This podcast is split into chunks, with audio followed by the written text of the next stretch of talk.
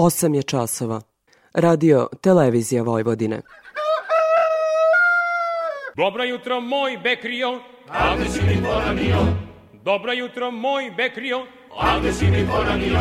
Ta kako ne bi poranio kad upravo počinje emisija Radio Novog Sada. Poljoprivredno dobro. Radio magazin za poljoprivredu i selo.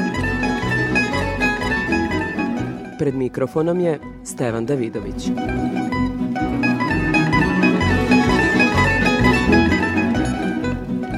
Dobro jutro. Žetva pšenice traje, a zadrugari procenjuju ovogodišnji rod i prave računice. Prema njihovoj proceni za proizvodnju hlebnog zrna bilo je potrebno dosta novca, kaže za poljoprivredno dobro predstavnik Zadružnog saveza Vojvodine Petar Radić.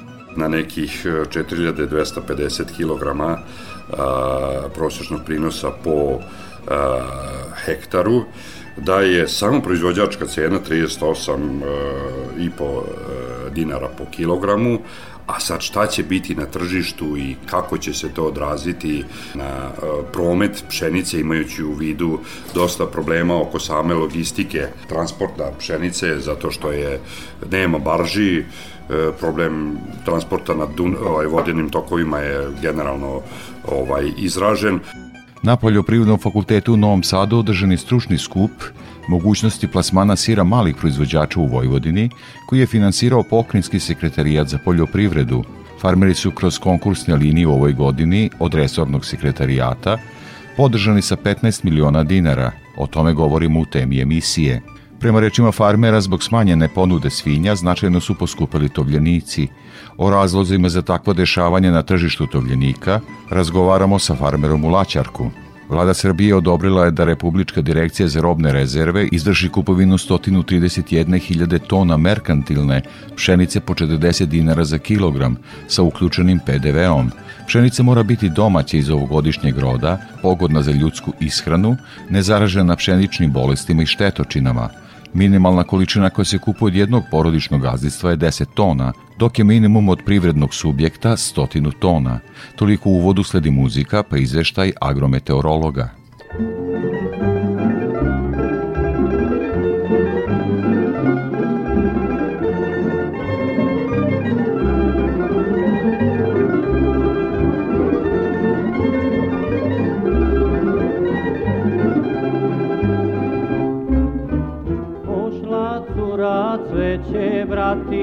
Vrati, hoće meni poklon dati. Ej, haj, curo bre, cveće najlepše. Ej, haj, curo bre, cveće najlepše.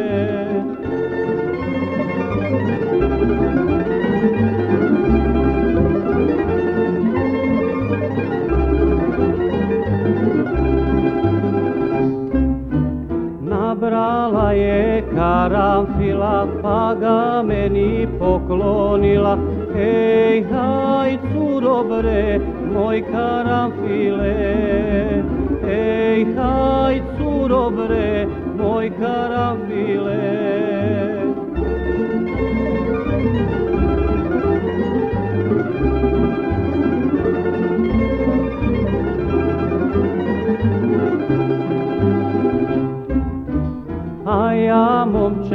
Nisam znao šta bi curi darivao. Ej, haj, curo bre, zavolih tebe. Ej, haj, curo bre,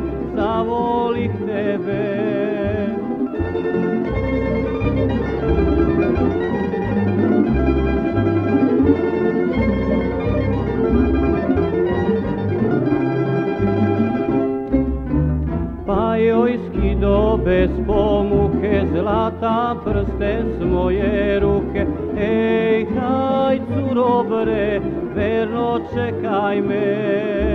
Ej, haj, curo bre, verno čekaj me.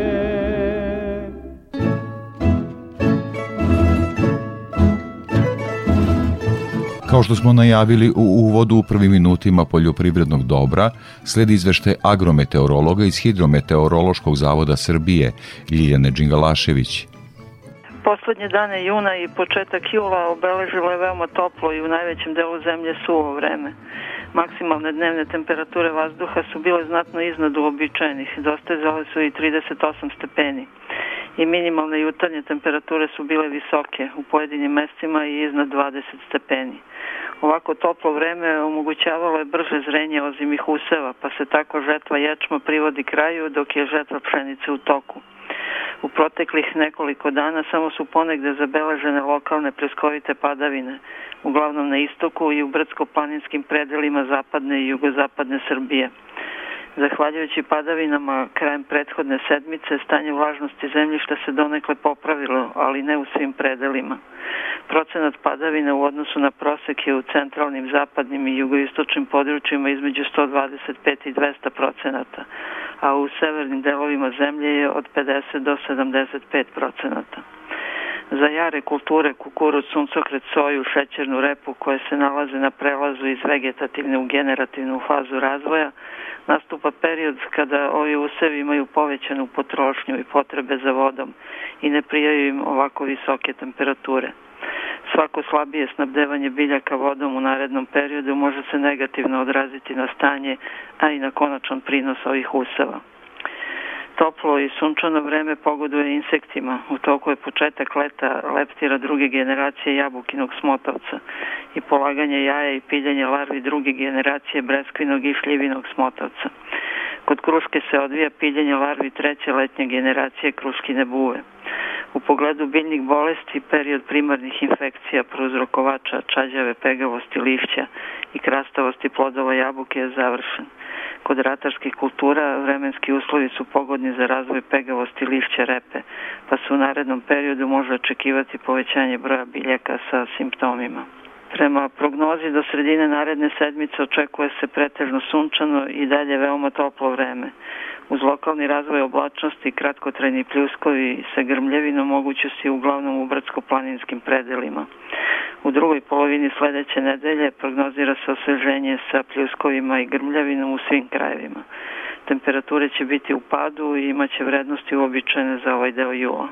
Za Radio Novi Sad iz Republičkog hidrometeorološkog zavoda Ljiljana Đingalašević. Žetva pšenice u toku, a zadrugari procenjuju ovogodišnji rod i prave računice. O tome sam razgovarao sa predstavnikom Zadružnog saveza Vojvodine, Petrom Radićem. Gospodine Radiću, najaktuelnije pitanje u agraru žetva pšenice. Kad su zadrugari u pitanju, je počeo taj veliki posao, kakvi su prvi prinosi, odnosno rezultati? Tako je, pozdrav za vas i za vaše slušalce. Znači, prošlo je vreme, da kažem, dok sve to sve pripremilo, posejalo, odnegovao usev i evo sad e, u ovim letnjim periodima ove godine nešto malo ranije žetva je krenula. E, prvi otkosi su ovaj, pali. E, nažalost, nije ravnomerno prinosi u celoj Vojvodini, odnosno možemo samo reći da samo jedan mali pojas u Banatu i, i dole u i Srem su relativno stabilni prinosi, dok je ostatak Vojvodine dosta problematičan, a to je ujedno i bilo jedna od tema na, na, na našem žetvenom danu koji smo održali u Mladenovu i Plavnu u petak. E, videlo se da je generalno vegetacija ranija i da su E, da kažem, ovi prvi prinosi su bili oko 20 meteri po jutru, dok eto neki su imali 20 do 25, e, a i to je najčešće, a eto ima i, i parcela i, i negde gde je bilo na mikrolokalu ovaj, kiše i gde je odrađena puna agritehnika da je i prebačeno čak i 30 meteri po jutru, ovaj, tako da jako je šaroliko, jako je šaroliko i generalno e, jasna je zabrinutost naših poljoprivrednih proizvođača oko same cene, oko te neizdavanje još cene, zašto i kako, oni su dosta truda uložili e, inputa, gorivo je poskupelo i jasno je za njihova zabrinutost ovaj, oko, oko, oko prijema. E sad, e, već smo i načeli temu da bi cena odgovarala poljoprivrednicima, ona mora biti negde uravnotežena sa njihovim ulogom. Koliko košta proizvodnja po hektaru? Pa ono što smo nešto mi tu računali ovaj, na nekih 4250 kg prosječnog prinosa po hektaru, da je samo proizvođačka cena 38,5 dinara po kilogramu, a sad šta će biti na tržištu i kako će se to odraziti e, na, na, na e, promet pšenice imajući u vidu dosta problema oko same logistike e, e, ovaj transporta pšenice zato što je nema barži E, problem transporta na Dun, ovaj, vodenim tokovima je generalno ovaj izražen, ali isto tako mi ne smemo zaboraviti da će vrlo brzo za par meseci doći jesenji špic kad će biti potrebno još više e, ovaj skladišnih kapaciteta za kukuruz, za soju, za suncokret, znači mi tu koju pšenicu sad koju, koju prime naše zadruge i, i skladištari, znači oni to relativno brzo moraju da reše da bi posle primili ovaj jesenji špic.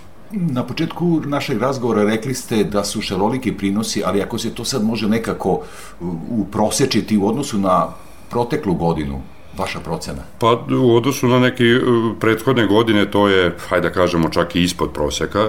Ovogodišnja, ovaj, ovogodišnji rod pšenice generalno samo da posluži ovo vreme u žetvi, mehanizacije ima dovoljno, znači to će se relativno brzo odraditi, samo da, da posluži vreme i da ne bude nekog leda kijameta ili, ili tako nešto. E sad, tradicija je vašeg i mog razgovora, sad kad ste pomenuli mehanizaciju, pa time možda i da završimo, jer o ovom ćemo još mi mnogo razgovarati, kada je reč o prinosu, ceni i tako dalje. Dakle, mehanizacija. E, možda par reči ono što ste zapazili na putovima opterećeno, jer dobro signalizacija postavljena. Šta je vaša procena i kao vozača, građanina, a i kao čoveka zadržani za e, ta pitanja u zadržnom savjetu? Da vam kažem, e, evo, dosta sam i na, na terenu i na putevima, vi imate sad i čak još od starih Zmajeva 140-ki ovaj, na putu do ovih novih e, John Deere-ova, klasova i tako dalje, kombajna, koji imaju izuzetno široki ovaj, header, pa nema sad vremena živaca samo da se preseli sa headerom na sebi, nema vremena da otkačenje na kolica, tako da ja eto ovaj apelujem i molim e, ostale učesnike u saobraćaju, pre svega vozače koji su mnogo brži i spretniji da obrate malo pažnju na, na, na poljoprivrednike kako traktore i prikolice kad treba prevući tu svu pšenicu ovaj, do silosa, tako i na kombajnere koji imajte na vidu da na, često na onim na nekim mostovima ili na nekim ovaj, uški, uskim ta, tačkama ovaj, ne mogu čak i da prođu pa moraju tu da se dovijaju na razne načine da bi se provukao ili sam kombajn ili još sa headerom, znači tu bude onako dosta problema da se sve to ovaj, prebaci s tačke A na tačke B na sledeću njivu koju će žnjati, ali e, ljudi će to odraditi i eto, ovaj, samo malo, malo strpljenja i pažnje. Petar Radić, Zadržni savez Vojvodine, veliko hvala za ovaj razgovor. Uskoro ćemo nastaviti naš razgovor kako bude žetva napredovala i kad se više bude znalo o ceni i troškovi. E, hvala, hvala ste ovo i vama.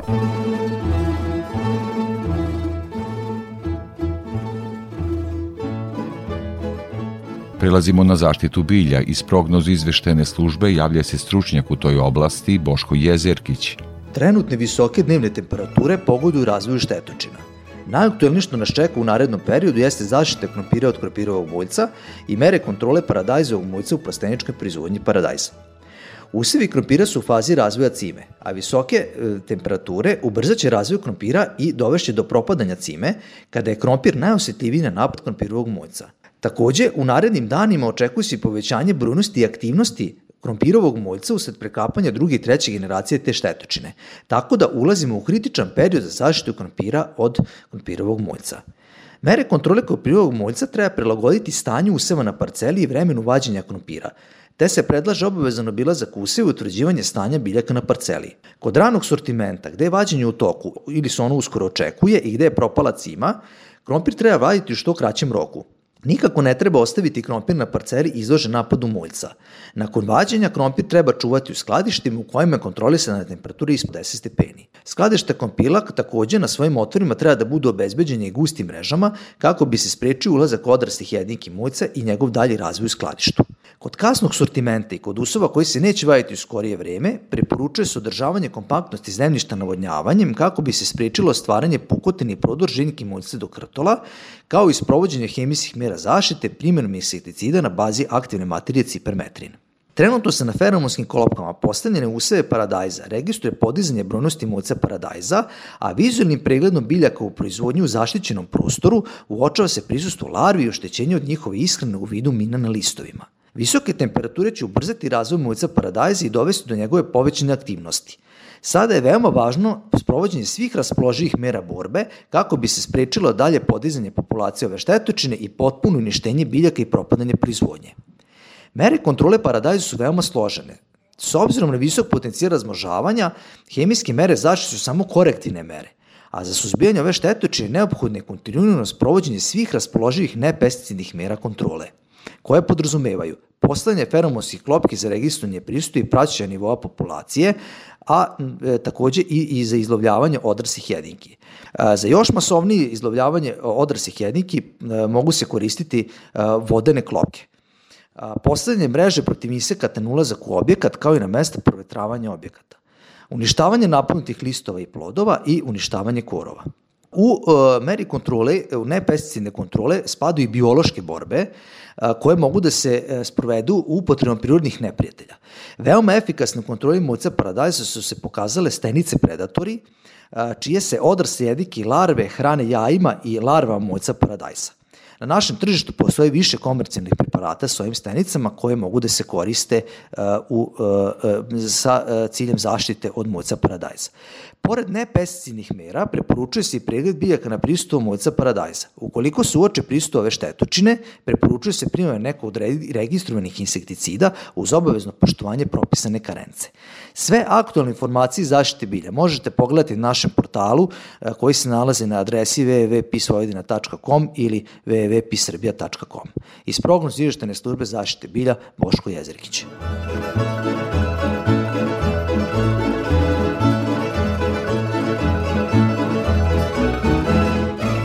O trgovanju na Novosadskoj produktnoj berzi izveštava Anja Jakšić. Pad cena svih primarnih poljoprivrednih proizvoda obeležio je proteklu nedelju na produktnoj berzi. Veća dinamika na berzanskom tržištu dovela je do povećanog obima trgovanja. Najviše se trgovalo kukuruzom i uljanom repicom. Ove nedelje ukupno je realizovano 10.490 tona robe, čija finansijska vrednost dostiže 519 miliona 349.150 dinara.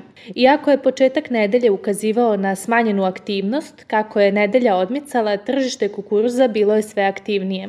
Početkom nedelje kukuruzom se trgovalo po ceni od 30 dinara po kilogramu bez PDV-a, da bi usled veće zainteresovanosti kupaca došlo do rasta cene cene, te se krajem nedelje kukuruzom trgovalo po 31 dinar po kilogramu bez PDV-a. Ponder cena za ovu nedelju iznosi 30 dinara 23 pare po kilogramu, što statistički predstavlja pad od 5,04%. Mirna nedelja na tržištu pšenice. Početkom nedelje ugovor za pšenicu novog roda realizovan je po ceni od 37 dinara 50 para po kilogramu bez PDV-a. Ponuda je bila na višim cenovnim nivoima u odnosu na tražnju, te nije došlo do trgovanja velikim količinama. Krajem nedelje pšenica je trgovana po ceni od 34 dinara po kilogramu bez PDV-a. Trgovanje starim rodom je izostalo. Ponder cena za novi rod iznosi 35 dinara 17 para po kilogramu, što je pad od 7,46%. Usled manje tražnje sojinog zrna, cena ove uljarice beleži negativan trend. S druge strane, ni na strani ponude nije bilo izrazito većeg interesovanja. Sojom se trgovalo u rasponu cena od 68 dinara 50 para do 69 dinara po kilogramu bez PDV-a uz obračun kvaliteta. Ponder cena iznosi 68 dinara 75 para po kilogramu. U odnosu na prethodnu nedelju cena je niža za 5,28%. Na tržištu uljane repice tokom cele nedelje bila je primetna povećana tražnja. Berzanski ugovori zaključeni su u cenovnom rasponu od 660 do 680 euro po toni na paritetu FCA, dok se na paritetu CPT trgovala u širokom cenovnom rasponu od 610 do 680 euro po toni. Ponder cena za ovu nedelju iznosi 79 dinara na jednu paru po kilogramu bez PDV-a, što je u odnosu na prethodnu nedelju pad od 7,17%. Sa produktne berze Anja Jakšić.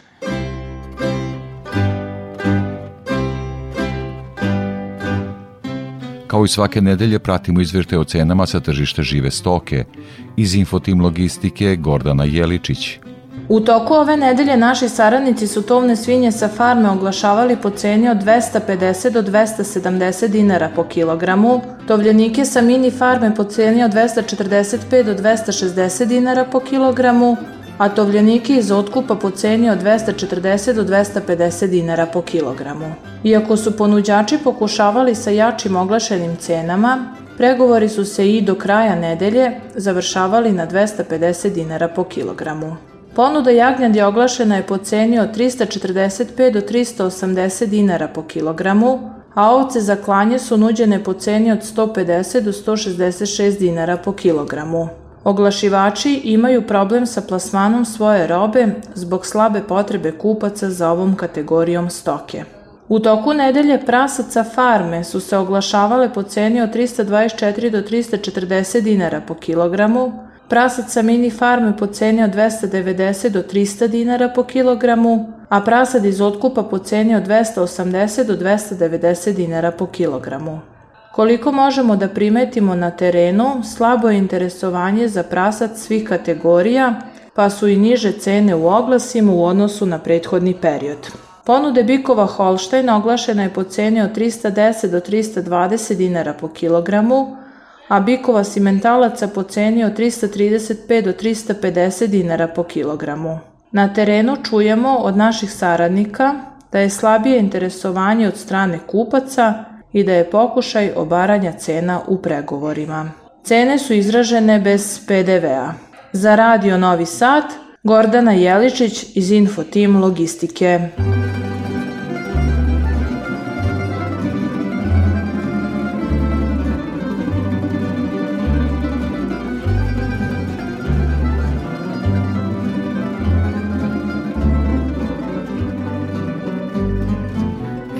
Kad sam sinoć pošla iz dućana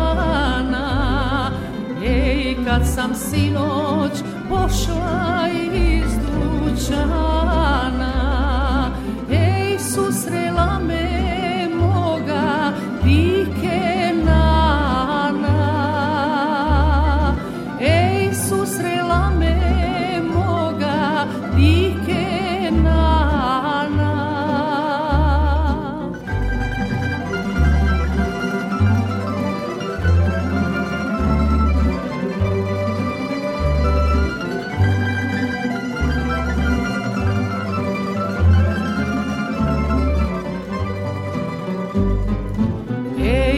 joj reko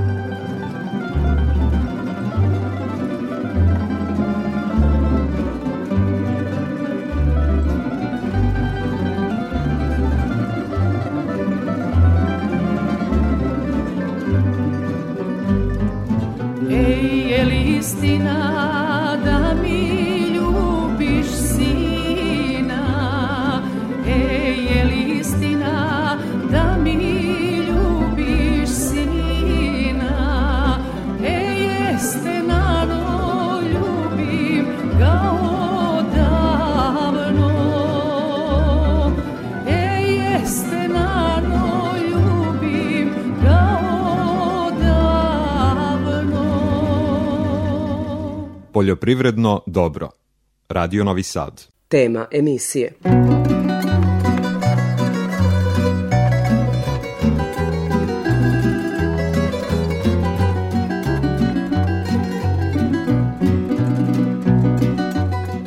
Poljoprivrednom fakultetu u Novom Sadu održan je stručni skup mogućnost plasmana sira malih proizvođača u Vojvodini, koji je finansirao pokrenjski sekretarijat za poljoprivredu. O tome govorimo u temi emisije. Da stočarska proizvodnja i prerada, odnosno finalizacija proizvoda na gazdinstvu, prepoznata kao bitna za cijelo društvo i državu, Potvrdio nam je pomoćnik pokrajinskog sekretara za poljoprivredu Mladen Petreš. Pokrajinski sekretarijat za poljoprivredu, vodoprivredu i šumarstvo zaista prepoznaje značaj e, dodavanja vrednosti proizvodima e, kroz preradu e, mleka i mesa, tako i ove godine, kao i duži niz godina, sprovodimo ovaj konkurs. Ove godine je budžet ukupan bio 15 miliona dinara, maksimalni povraćaj 70%, a do gornje granice od 2 miliona dinara po prijevi. Apsolutno zadovoljni, mislim samo da treba da radimo dalju promociju da bi se što više ljudi i što više proizvođača mesa i mleka otislo u, u, da kažem, u prerađivačke vode kako bi dodali vrednost svoje proizvodnje i kako bi na taj način napredili i svoju proizvodnju, ali i poljoprivrednu proizvodnju u autonomnom pokrajini Vojvodini, a samim tim u našoj Republici Srbije. I ovaj skup koji se danas održava, ova promocija je u stvari podržana e, preko našeg konkursa za održavanje, pomoć održavanja naučnih stručnih skupova, kao i mnogi projekti koje, odnosno skupove koje organizuje upravo naš poljoprivredni fakultet u Novom Sadu.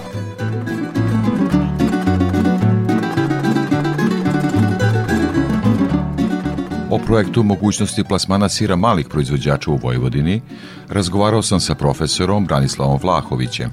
Profesore, šta je cilj ovog savetovanja, odnosno projekta? Da, danas smo organizovali jedno savetovanje pre svega za male i srednje proizvođače sira iz Vojvodine i tako smo nazvali mogućnosti plasmana sira malih proizvođača u Vojvodini.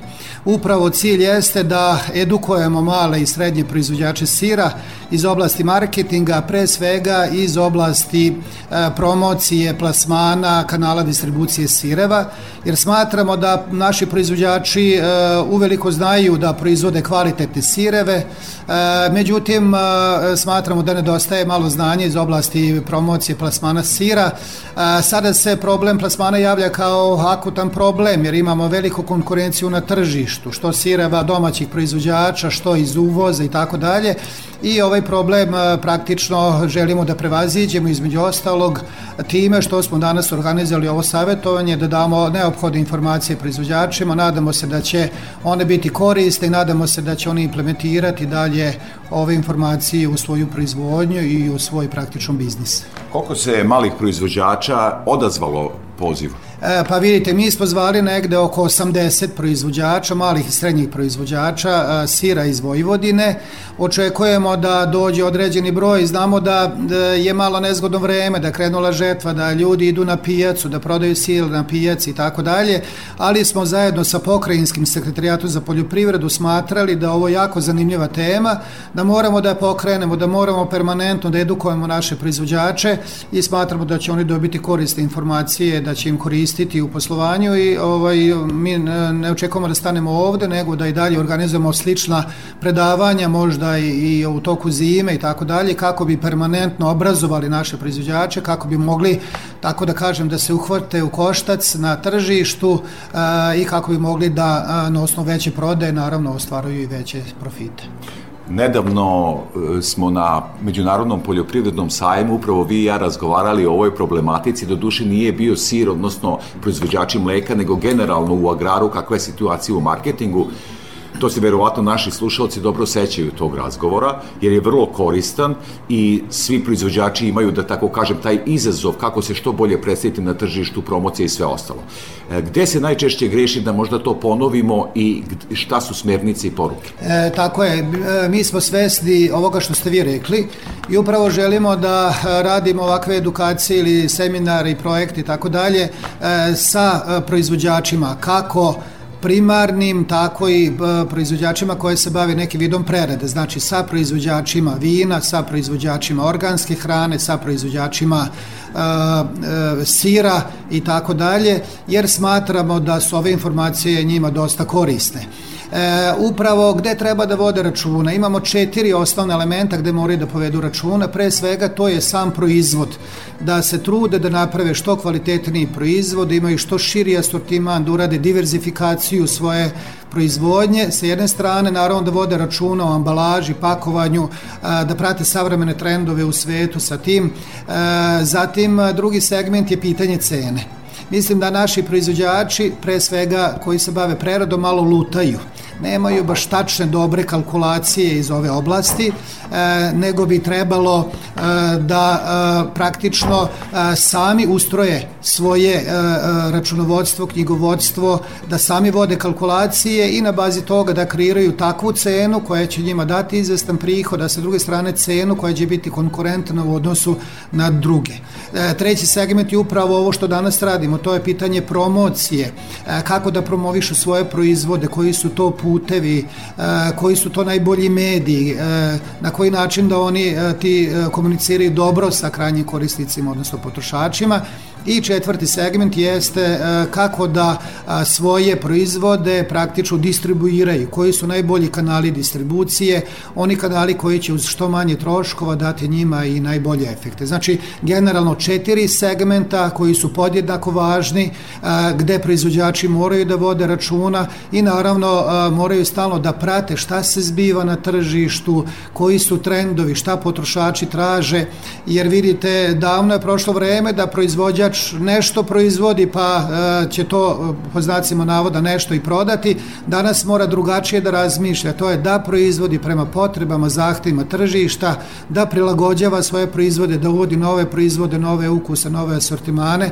kako bi na taj način zadovoljili potrebe potrošača i na bazi toga imali veću prodaju i veći i bolji finansijski rezultat. I evo za kraj ovog razgovora dva pitanja praktično. Prvo je, živimo u vremenu velikih trgovačkih lanaca. Pomenuli ste u jednom momentu da su mnogi proizvođači kojima je ovo namenjeno na pijacama. Dakle, e, kako prodati kroz te velike lance, sertifikacija i ostalo i naravno da pomenete šta je to interesantno danas i ko su predavači na ovom značajnom e, savjetovanju. E, e, tačno tako, znači konkurencija jeste velika i to možemo reći kako legalnim kanalima, preko velikih trgovačkih lanaca, a takođe i e, recimo kroz neke ilegalne kanale prodaje. E, mogu da kažem da recimo prošle godine ukupan uvoz sireva u Republiku Srbiju iznosio negde oko 12.000 tona, što vrednostno iznosi negde oko 54 miliona dolara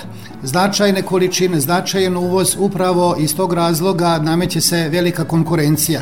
Drugo, dolaze značajne količine sira, znači kroz klasične kanale, gde dominiraju trgovačke lanci, pre svega mogu da spomenem recimo Lidl ili, ili Metro i e, tu dolaze značajne količine sira, recimo u strukturi ukupnog uvoza, dominira Nemačka sa preko 50%, dominira e, recimo e, Poljska, Mađarska, Hrvatska, tako da dolaze značajne količine kvalitetnih sireva i sada treba u takvoj konstelaciji snaga se izboriti da naši proizvođači budu konkurentni, da mogu da prodaju svoje proizvode, da se izbore za stalne kupce, tako da smatram da o, recimo ovo savjetovanje može im dati dobre informacije. E, što se tiče današnjih tema, imamo dosta heterogene teme, sve praktično se odnose na plasman sira. Pre svega e, imamo prvu temu, to nam je gost profesor Dudić iz Slovačke na temu proizvodnje plasman sira u Slovačkoj ili iskustva Evropske unije, da vidimo šta se radi u Evropskoj uniji, koji su trendovi.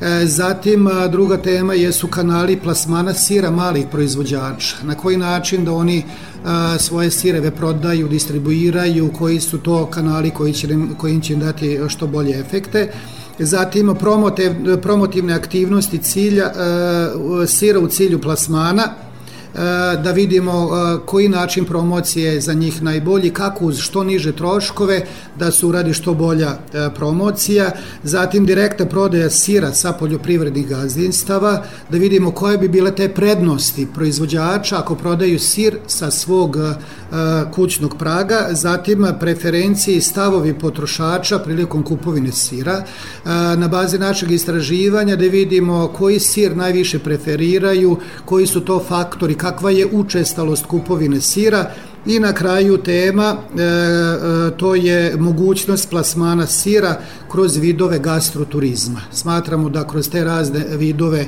seoskog turizma, agroturizma da može da se značajne količina sira plasira, pre svega mislimo na naše autoktone sireve, sireve sa geografskim poreklom a, i a, cela ova priča mislim da će biti jako zanimljiva za slušaoce i a, e, da će slušaoce dobiti dobre informacije koje im kasnije mogu pomoći u svom poslovanju. Nažalost, evo kao što smo u razgovoru i rekli, mnogi naši poljoprivrednici, mali proizvođači sira ne mogu da nas doći.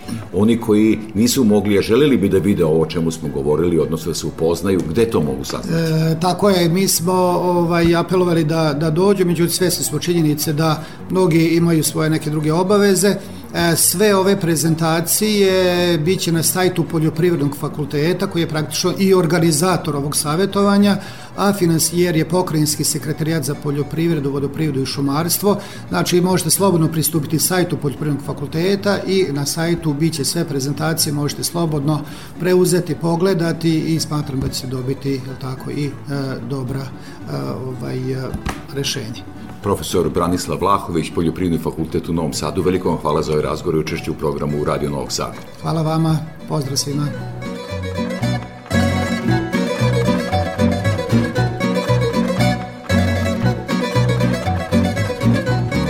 Proizvodnja sirovog mleka nedovoljno isplativ posao – Zato su, kako tvrdi farmer u ravnom selu Goran Rendić, savjetovanje o finalizaciji proizvoda dobra prilika za proizvođače mleka, odnosno sira, da saznaju kako dalje u sve težim tržišnim uslovima. Proizvodnjom mleka, odnosno sira, koliko se dugo bavite? Pa bavimo se 30 godina već. Znači, proizvodimo mleko, a to je već u manjoj količini, odavno smo pre, to prestali kao mnogi što rade da prodaju kao sirovinu. Mi proizvodimo sireve, u, znači upredelili smo se za punomasne polutvrde sireve sa dodatkom lešnika, mirođije, tucene paprike, crnog tartufa i toga i za to smo više puta nagrađivani, čak smo i šampioni Novosadskog sajma prošle godine. Dakle, počela je proizvodnja mleka jedno vreme kao gotov proizvod je bilo mleko i šta vas je opredelilo da krenete u finalizaciju proizvoda? Pa znate kako, e, proizvodnju sirovine svi mogu da rade, a da se upustite ovako nešto treba vam prvo volja, energija, muka i rizik, rizik velik. veliki i vama niko ne garantuje kad e, proizvedete tu robu bez obzira koliko puta ona nagrađivana ako je loša E, moć kupovnog građanstva, vi ćete teško to uspešno završiti, međutim, eto, mi se borimo i svaki dan imamo po nekoga e, interesenta za naše proizvode. I koliko godina već radite sireve, pošto 30 je ukupno? Pa 20 godina radimo sireve. Znači veliko iskustvo imate? Pa što se tiče toga, da, mislim, i da vam kažem još nešto, mi smo imali raznorazne ponude i Francuza i ne znam koga ko sve nije bio da mi te, našu tehnologiju njima damo ono jer mi radimo po nekoj našoj tehnologiji, znači ni od koga ništa uzeli nismo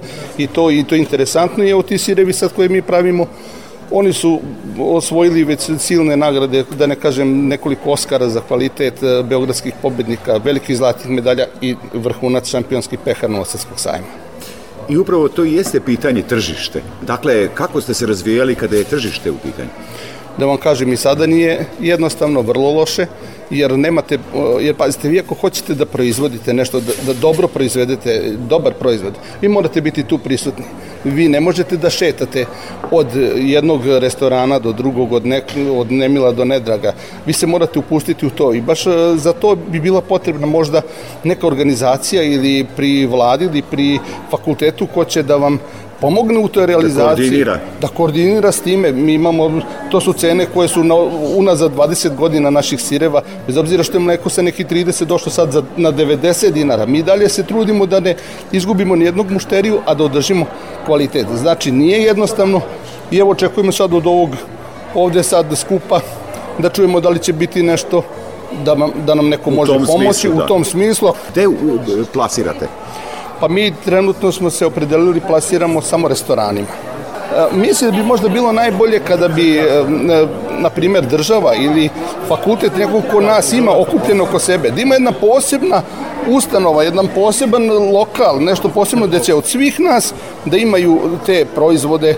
Nama radi te higijenski, higijenski institut e, analize sira, i tehnološki mesa, pošto imamo i farmu mangulica i time se bavimo. Veliko vam hvala za ovaj razgovor. Hvala vama, svako dobro. Svako dobro.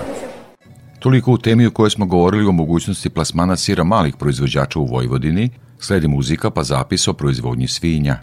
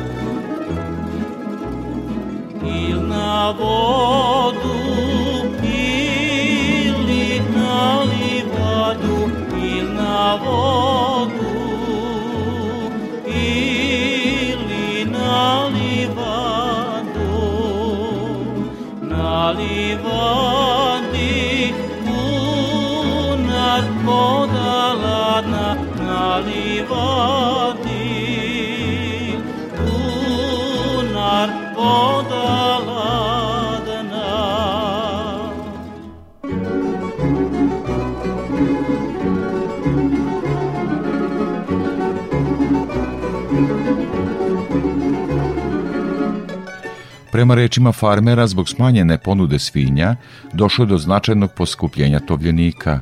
Zarada koju ostvarujemo u ovom periodu uložit ćemo u proizvodnju, kaže proizvođač u Laćarku Bora Šuljmanac. U pripremi za razgovor rekao si mi da si u žetvi pšenice, ali ono zbog čega te zovem jeste farma, odnosno svinjarstvo. Pa reci mi prvo da krenemo od svinjarstva, kakva je tu situacija? Trenutno svinjarstvu se popravilo od našeg zadnjeg razgovora, mnogo cena otišla je gore usred velikih nestašica tovljenika, jer dve godine smo mi vikali da će se ovo desiti i sad se desilo, imamo nestašice i samim tim e, poskupili su tovljenici mnogo. Kolika je sada cena e, i koliko to zadovoljava ono što su vaše potrebe? Trenutno je dobra cena 250 dinara plus PDV je cena za farmske svinje, ali je ta cena postignuta preko noći. Znači sad 210 na 250 klaničari su digli za nekih nedelju dana. Su digli tu cenu, e, ne bili što pre iskukali e, odobrenje za uvoz svinskog mesa, da bi se pravdali visokom cenom. Znači podigli su odmah cenu svinja, nije bilo ono po 5 dinara 10 da je skakalo, nego su drastično podigli cenu, što je dobro za ove koji prodaju u ovom momentu, ali na taj način oni što pre pokušavaju da dobiju dozvole za uvoz da bi mogli da, da se da pravdaju tamo u ministarstvu trgovine i veterine da dobiju dozvole za uvoz ne bi li ovaj što pre uvezli. Naravno, čim uvezu odmah upotrebljavaju i ruše na 180-185 dinara plus PDV.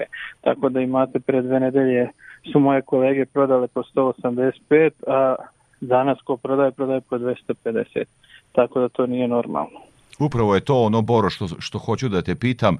Znamo da je ciklično kretanje cena u svinjarstvu. Dokle očekuješ da će se zadržati ova cena koja je, kao što si sam rekao, povoljna za farmere? Ne očekujem dugo, ako izdržim nedelju dana, 10 plafon. Da će, da će ovaj, ostati cena, da će im pustiti ovaj, jednu količinu da, da bi smirili cenu, jer ovim tempom bi otišli na 300 dinara. I onda ovaj, to, ko će da kupuje to meso i kako da funkcionišemo uopšte. I mi kao proizvođači i vi kao potrošači, kupci. Tako da ovaj, mislim da nije dobro iz krajnosti u krajnosti. Treba ono što go, ja govorim, govorim godina se napravi strategija u poljoprivredi, odnosno u stočarstvu, koliko treba i koliko ćemo mi da proizvedemo i da se kaže svaka klanica treba mi toliko i toliko hiljada tovljenika na godišnjem nivou, imam kod Bore toliko, kod Miloša toliko, kod Stevana toliko i onda neće biti problema. A ovako stalno imamo ove turbulencije i te turbulencije stočari sve teže mogu da prate i zato nas je sve manje i manje. I moje kolege tovljači malo, malo, možda 5 do 10% je ostalo sa istim kapacitetom. Svi su smanjili, prepolovili, a velika većina je i odustala od proizvodnje tovljenika. Evo, Boro, u razgovoru spominjali smo i cenu 180 dinara i 250. A koliki su realni troškovi? Jel možeš ovako u najkraćem, ne sad stavku po stavku, koliko košta proizvodnja tovljenika po kilogramu? Cene tovljenika je skupo prase. Još uvijek je prase dosta skupo jer imamo nestašicu na domaćem tržištu, dosta se i uvozi da bi se to nadohnadilo prasadi iz inostranstva. Ne kažem da ne treba da se uvoze prase, mi dovoljno ne imamo, treba jedna količina da se i uveze, ali to treba da bude kontrolisano, da bi se i obnovio domaći zapad, da bi imali uh, ovaj, domaću prasa. Nema potrebe da uvozimo prasa, ali mislim da su zemlja koja možemo da proizvodimo. Nažalost, sad trenutno nemamo dovoljno i moramo da uvozimo. E, pod hitno treba tu granu proizvodnje pospešiti, podići, po mojem neka, pošto su prasa skupa, znači sad za, za prase domaće vam treba kvalitetno farmsko prase koje ja kupujem, ne mogu da kupim ispod 11.000 dinara, da kažem, košta to prase. Iako se uzme da cena stočne hrane nekih 42 dinara 3, ono pojede nekih 250 do 300 kg te hrane, znači dođemo na cenu tovljenika od 22-3 hiljade dinara mene košta tovljenik da ga proizvedem i moram za njega da dobijem 24-5 da bi ja nešto zaradio.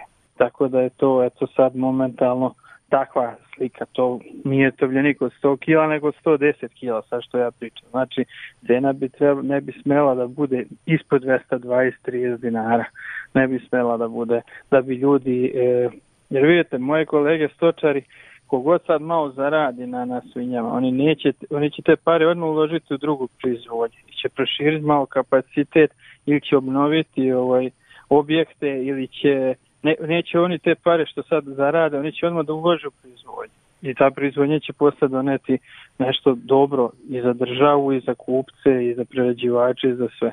Tako da ne treba ni gledati stalno koliko smo mi zaradili, da li smo zaradili, da li smo izgubili. Pa i treba zaraditi, to je jako prvi posao. Uvek i moj deda koji je bio svinjar je bio bogat, ali je radio prljav posao. Pa otac, pa ja, ja sam treća koja. Uvek su svinjari i, ili recimo bikari ili kravari uvek dobro zarađivali, ali su nažalost malo mogli da uživaju u plodovima svog rada, jer im je dnevnica bila po ceo dan, obdanica njihova trajala, ako normalan čovjek radi na poslu 8 sati, oni su radili 10 i onda džabe ti bogatstvo kad ne možeš da uživaš u tome. Tako da ti poslovi, prljavi poslovi su uvek bili malo više plaćeni. Recimo, ja sad ću reći jednu banalnost, dve gume za cisternu za osoku koštaju 100.000 dinara. Znači ja moram da uhranim 50 stavljenika za te dve gume. To niko ne računa u kalkulacijama, nek sam računaju koliko je prase, koliko je hrana. To ima tu još mnogo i mnogo inputa. Boro, moram te i ovo pitati. E, cene u ratarstvu su visoke. E, naravno da bi mnogi ratari želeli da su još veće cene, odnosno više cene. E, kada posmatraš samo ratare, samo stočare, da li se isplati provući recimo kukuruz, pšenicu kroz stočarstvo ili je bolje biti čisti ratar? Pa Kakva je tvoja procena? Pa ja sam od, od uvek i jednu i drugu granu poštujem i uvek, sam, uvek me je jedna, jedna vadila. Uvek je, ja sad bi sigurno propao kao stočar da nisam imao ratarsku proizvodnju zadnje dve godine. Ali sva sreća imao sam dobru ratarsku proizvodnju i ona je iznela ove gubitke u stočarskoj proizvodnji. Mislim da se situacija sad polako okreće i da će sad ljudi koji imaju stočarsku proizvodnju malo da, da, da ovaj, bolje funkcionišu od ratara. Jer sad mi se ne sviđa ova situacija s ratarstvom, cene su žitarica naglo počele da, da padaju dole, baš je drastičan pad sad recimo i pšenice i ječma koji je ovršen, ljudi ne znaju cene e, pšenice, trgovci, izvoznici ne smo da izađu cenama jer uopšte ne znaju pošto će se s ovim ratom u Ukrajini. Boro, evo za kraj i samo pošto smo na početku spomenuli i žetvu pšenice, ti si upravo u tom poslu između farme i njive. Kakvi su prinosi, da li je to ono što si očekivao? Pa veoma sam razočaran prinosima, očekivao sam dobru godinu, pšenica je obećavala, ali imali smo pre jedno 25 do 30 dana jako velik period sušni i visoke temperature. Nikad nije bilo u maju preko 30 stepeni, ove godine imali smo topao maj i tu je naglo došlo do sazrevanja do, do sprženja pšenice. i sad imamo dosta tog šturog zrna na vrhu klasa koji ne može da ide u, u kvalitetnu pšenicu, nego ga ovi koji primaju pšenicu bacaju, odnosno no, daju ga u primese i ono propada kroz ta njihova sita, kakva su takva, da li su veća je od dozvoljnih, u to ne ulazim, ali se odbiti straviši na pšenici ovde ljudima kod mene odbijaju po 7, 8, 9% na pšenici, kažem da, da, da sam razočaran, prinos je smanje za nekih 25 do 30% ovde kod mene oko 3,5 tone je prosek po katastarskom jutru. Pšenice, nije, nije, a ja sam očekivao da ti bude mišljen kako ona izgledala u proleće kad smo je zaštićivali i prskali, ja sam, ja sam računao na, na, na dobar rod, ne baš kao prošlogodišnji, ali sam računao da, da bi mogao bude oko 4,5 tone po katastarskom jutru, a sad vidim da je tu skoro za 25 do 30% manji prinos. Bora Šuljmanac, poljoprivrednik iz Laćarka, veliko hvala za ovo javljanje u program Radio Novog Sada. Hvala i vama. O tome kako posluje farma koza mladog bračnog para Nemanje i Milene Vujanić iz Vrbasa, opširniji u zapisu Aleksandre Dejanović. Mladi bračni par Milena i Nemanja Vujanić iz Vrbasa su farmu alpskih koza osnovali 2015. godine sa svega desetak koza. Sada imaju stado od 140 grla, čitavu lepezu prepoznatljivih proizvoda od kozijeg mleka i razvijen porodični biznis od ratarstva do proizvodnje. Ovdje je bila samo livada, ništa više. Ovaj, 2015. smo, smo napravili štalu, stado, zemlju, mehanizaciju, mlekaru i eto, ostalo nam još to izmuzište i tako komora za zrenje sira. I možda mehanizaciju malo da, kad bi uspeli da podmladimo. Na 25 jutara zemlje koje se hrani prirodnim stajskim đubrivom prinos je odličan, kaže Nemanja, pa uspeva da sam proizvede veoma kvalitetnu hranu, a koze zatim i kvalitetno mleko. Imamo ovaj svog đubreta dosta, što u vidu stajnjaka, što u vidu osoke, koja se izvozi, izvozi cisternom u tečnom stanju i povećava prinos u mnogome i opšte, stva, opšte poznato da ratarstvo bez stočarstva, da je to usko povezano, da tu nema ti, ako uzmeš od zemlje, moraš i da je daš. A kroz veštačko đubrivo samo, koliko je možeš vratiti, nisam siguran. Na muži je trenutno 60 koza koje daju u proseku 3 litre mleka dnevno, a Vujanići u ovom periodu obrađaju 30%, a 70 prodaju mlekarama. Taj deo što, što, ovaj, što mi preradimo u svojoj režiji, to to izvučemo neku cenu tu oko 180 do 200 dinara po litri. Ovo što predamo, predamo po nekih 70 dinara, tako da to je neki prosjek oko 100 dinara po litri, što je isplativo za sada.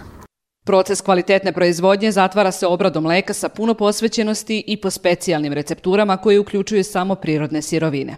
Proizvodimo mladi sir, tvrdi sir i imamo onaj sir u suruci, kao onako bude kao feta recimo, surutka, sveže mleko i jogurt. Ove godine je mleko sveže litra 170 dinara, surutka je 100, jogurt 220, mladi sir je 800, tvrdi 1200.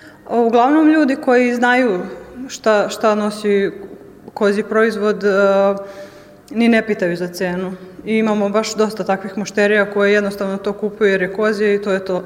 Nemanjina supruga Milena je diplomirana pravnica i nakon kancelarije posao nastavlja u mlekari na pripremi proizvoda od kozijeg mleka čak i u devetom mesecu trudnoće. Ona tvrdi da posao može biti uspešan samo uz naporan rad, uzajemno poštovanje i ljubav. Niti može on sam, niti, ja mogu sama, tako da je previše posla i obaveza, čak i neko treći bi nam dobro došao, ali eto mi smo hteli da od početka sve sami prođemo da znamo kako to ide, kako funkcioniše, kako se šta radi. Šest godina je bilo strogo ulaganje, ulaganje, ulaganje, ulaganje, ulaganje, ulaganje, bez ikakvog doprinosa, znači ništa, ništa, ništa, ništa. E tu je bilo par tih momenta kad sam se zapitao, aman dokle više, ali dobro, sve se pregura, svaki problem ujutro je manji. Jesi li sad zadovoljan, srećan? Pa da, da. Još samo ovo malo da dođe i onda smo kompletni. Farma Vujanića je po kvalitetu i proizvodima već prepoznata u većem delu Bačke. Ostalo im je da ulože u modernizaciju iz muzilišta i komoru za zrenje sira kako bi proširili tržište na restorane i tako obezbedili siguran plasman. I pred krajem emisije još jednom prognoza za narednu sedmicu. Iz Hidrometeorološkog zavoda Srbije Ljiljana Đingalašević. Prema prognozi do sredine naredne sedmice očekuje se pretežno sunčano i dalje veoma toplo vreme. Uz lokalni razvoj oblačnosti kratkotrajni pljuskovi sa grmljevinom moguće su uglavnom u brdsko-planinskim predelima. U drugoj polovini sledeće nedelje prognozira se osveženje sa pljuskovima i grmljavinom u svim krajevima. Temperature će biti u padu i imaće vrednosti uobičajene za ovaj deo jula. To bi bilo sve što smo vam pripremili za ovo izdanje poljoprivrednog dobra Radio Novog Sada. Emisiju montirala Sabina Nedić, muziku birao Aleksandar Stojanović. Pozdravlja vas urednik i voditelj Stevan Davidović. Naredni susret je za sedam dana uz podsjećanje, da emisiju možete slušati i odloženo na portalu Radio Televizije Vojvodine na adresi rtv.rs. Svako dobro!